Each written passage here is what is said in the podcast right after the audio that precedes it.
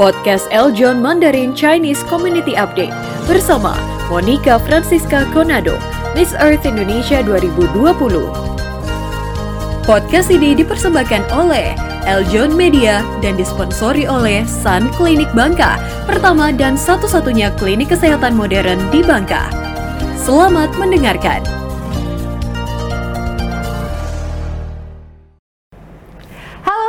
Eljon, Anda kembali menyaksikan Chinese Community Update. Kali ini masih bersama saya Monica Konado. Kali ini kita akan mengikuti informasi terkait dengan tokoh Tionghoa di Indonesia.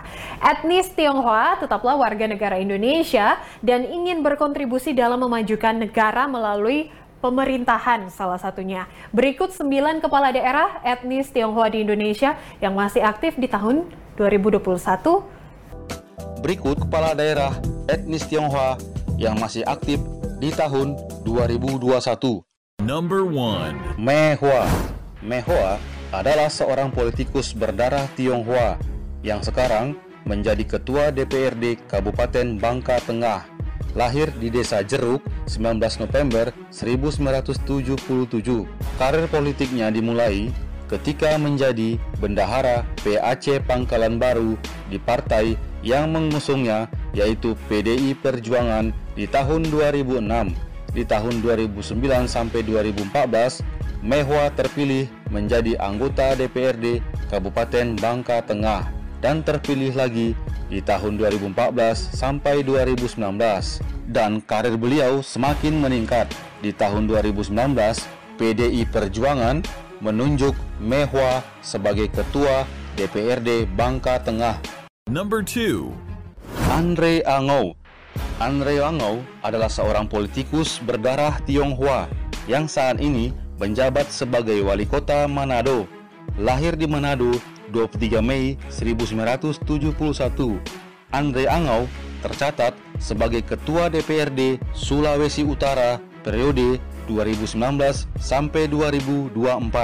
Dia juga tercatat sebagai ketua DPRD dan wali kota yang beragama Konghucu pertama di Indonesia.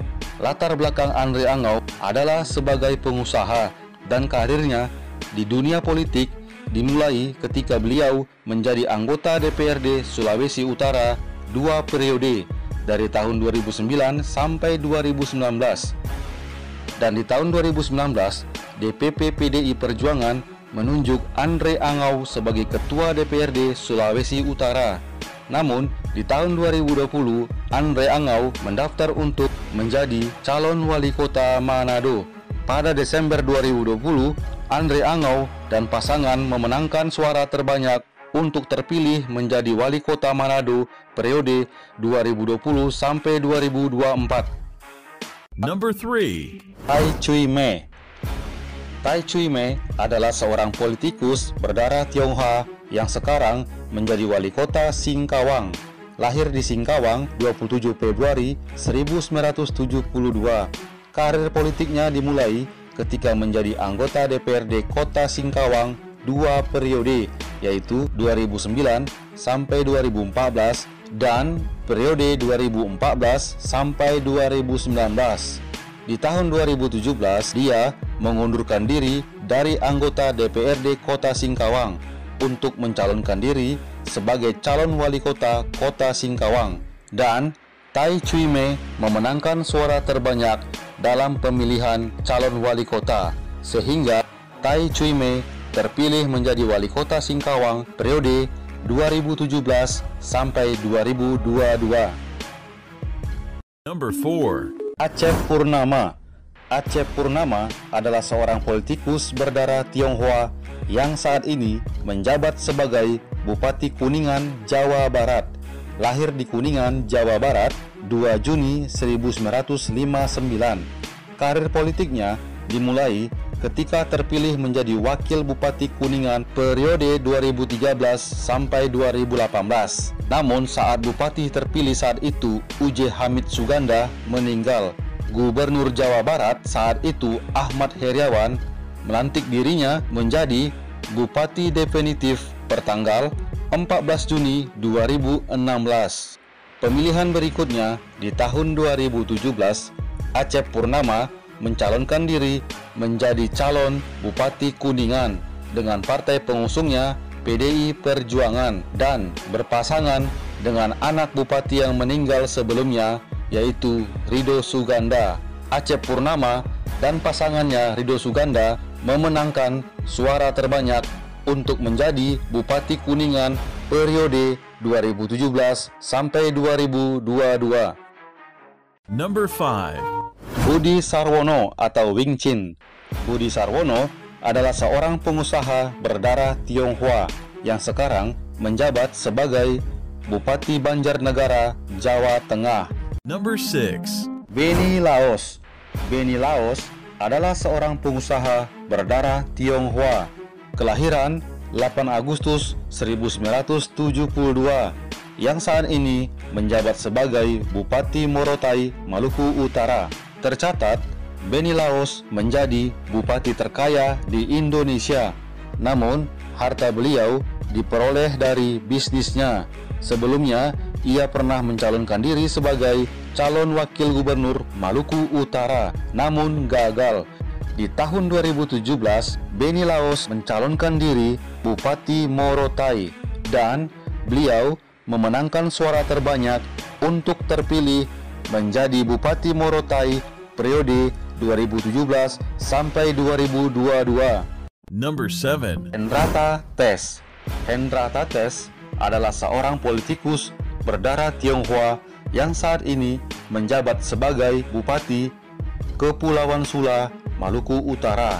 Uniknya, Kepulauan Sula 90% adalah mayoritas beragama Islam. Namun, di tahun 2017, Hendra Tates, politikus berdarah Tionghoa dan beragama Kristen, mampu memenangkan suara terbanyak sehingga Hendra Tates menjadi Bupati Sula periode 2017 sampai 2022. Number 8. Johan Gangga. Johan Gangga adalah seorang pegawai negeri sipil berdarah Tionghoa yang sekarang menjabat sebagai Bupati Kepulauan Aru. Lahir di Debo 11 April 1963. Sebelumnya, ia merupakan PNS di lingkungan pemerintahan Departemen Kesehatan.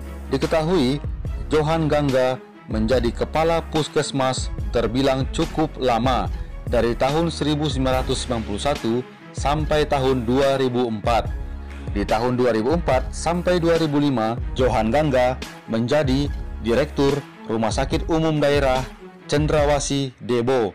Dan setelah itu, di tahun 2016, Johan Gangga mencoba untuk mencalonkan diri menjadi calon bupati Kepulauan Aru dan dia memenangkan suara terbanyak untuk terpilih menjadi Bupati Kepulauan Aru periode 2016 sampai 2021.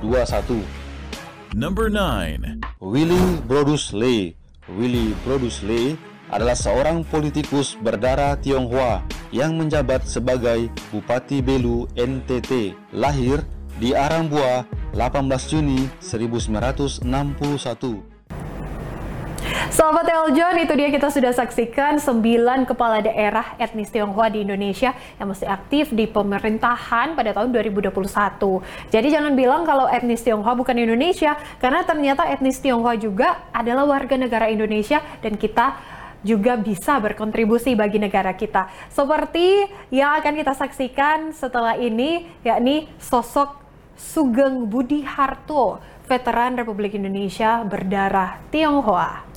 Sugeng Budi Harto alias Ing Diao wafat pada usia 92 tahun di RSUD Banjarnegara pada Jumat pukul 5 lewat 45 menit waktu Indonesia Barat. Lahir di Purwokerto pada 4 Juli 1929, beliau memiliki 9 anak dan merupakan ayah kandung Bupati Banjarnegara Budi Sarwono. Sugeng adalah mantan anggota pos rahasia dalam kota Korp Polisi Militer Jawa CPMD yang bertugas sebagai penyadap intelijen. Semasa hidupnya, sang veteran tidak pernah bosan mengingatkan pada generasi muda tentang perjuangan para veteran dalam mengusir penjajah. Perjuangan di masa penjajahan tidak saja dirasakan pejuang, rakyat juga ikut merasakan penderitaan yang terjadi di masa pendudukan. Di masa itu perjuangan melawan penjajah dilakukan oleh segenap lapisan masyarakat. Tidak hanya mengangkat senjata, membantu memenuhi kebutuhan pejuang juga dilakukan masyarakat pada umumnya. Semuanya adalah pahlawan. Ingatlah, musuh sekarang bukanlah penjajah, melainkan bangsa sendiri yang anti toleransi, anti Pancasila, anti persatuan dan kesatuan, tidak cinta NKRI. Kalimat tersebut sering diucapkan kepada generasi muda, pada masa penjajahan, Sugeng berperan mengatur strategi perang masuk kota Purwokerto. Dengan informasi yang dipasok ke pasukan, penyerangan bisa dilakukan lebih intensif dan optimal. Untuk memudahkan penyerangan pada malam hari, Sugeng memberikan ide agar tower pengintai dirobohkan. Pejuang yang akan merebut Purwokerto sempat dihalau tapi akhirnya berhasil menusuk jantung lawan dan Sugeng memilih jadi barisan pejuang untuk menghapus penjajahan dari bumi pertiwi. Di usia 17 tahun, Sugeng sudah ikut berjuang bersama tentara dan polisi serta rakyat. Semua bersatu, tidak ada pribumi, non-pribumi. Yang ada adalah bangsa Indonesia. Ada yang setia pada negara, ada yang mengkhianati bangsa sendiri untuk mendapat simpati Belanda. Sugeng paling antipati terhadap pengkhianat bangsa. Selamat jalan dan terima kasih untuk pengabdianmu, sang veteran sejati. Etnis Tionghoa, namun tetap warga negara Indonesia. Jika bisa mereka lakukan berkontribusi bagi negara, kita juga pasti bisa. Dari hal-hal kecil yang berdampak positif, paling tidak bagi lingkungan kita. Demikian segmen Tokoh Tionghoa Indonesia. Tetaplah bersama kami dalam Chinese Community Update. Sahabat Teljon TV di mana pun Anda berada, Anda sedang menonton program Chinese Community Update.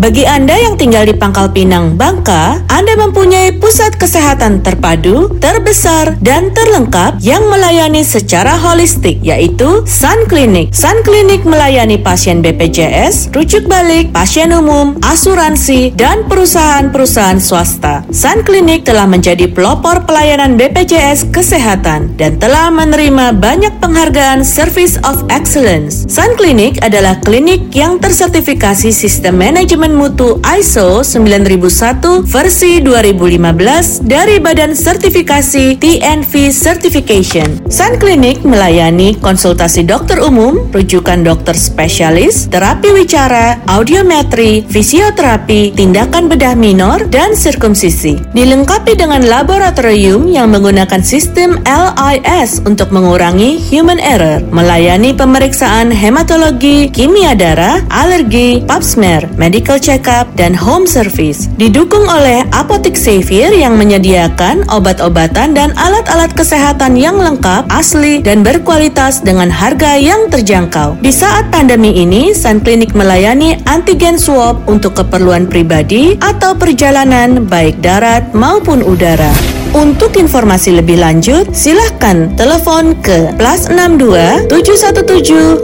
42 97 888 atau WhatsApp ke plus 62 822 60 375 888. Podcast Eljon Mandarin Chinese Community Update bersama Monica Francisca Conado, Miss Earth Indonesia 2020. Podcast ini dipersembahkan oleh Eljon Media dan disponsori oleh Sun Klinik Bangka, pertama dan satu-satunya klinik kesehatan modern di Bangka. Selamat mendengarkan.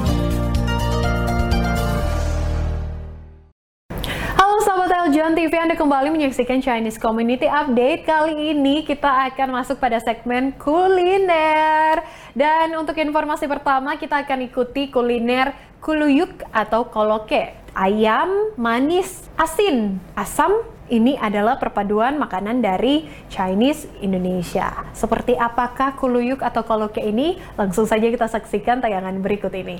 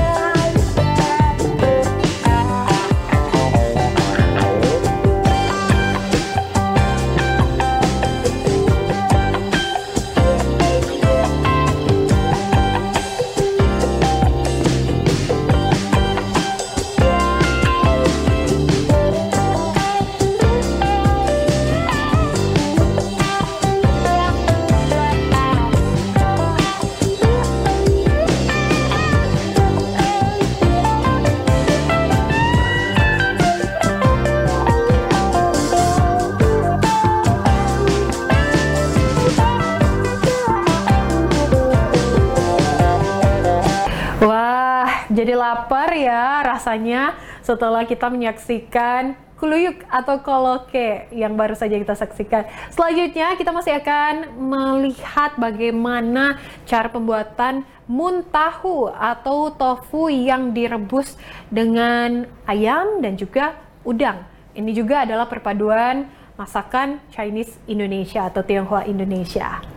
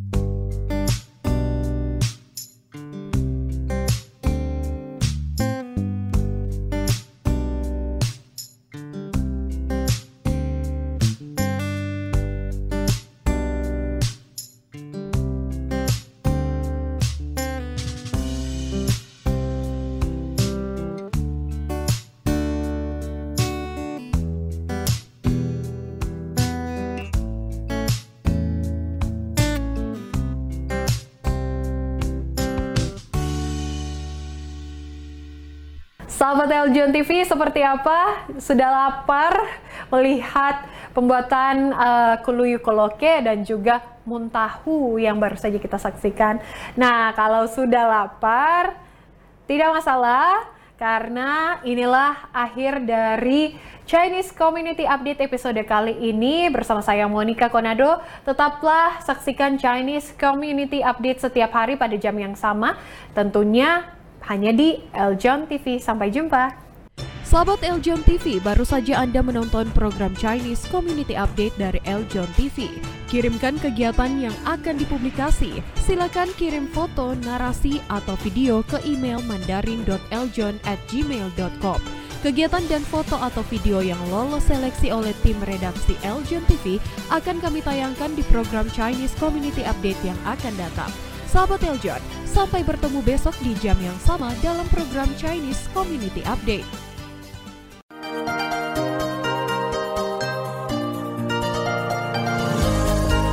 Terima kasih telah mendengarkan podcast Eljon Mandarin Chinese Community Update. Persembahan dari Eljon Media dan disponsori oleh Sun Clinic Bangka, pertama dan satu-satunya klinik kesehatan modern di Bangka. Jangan lupa follow podcast Eljon Mandarin di Spotify.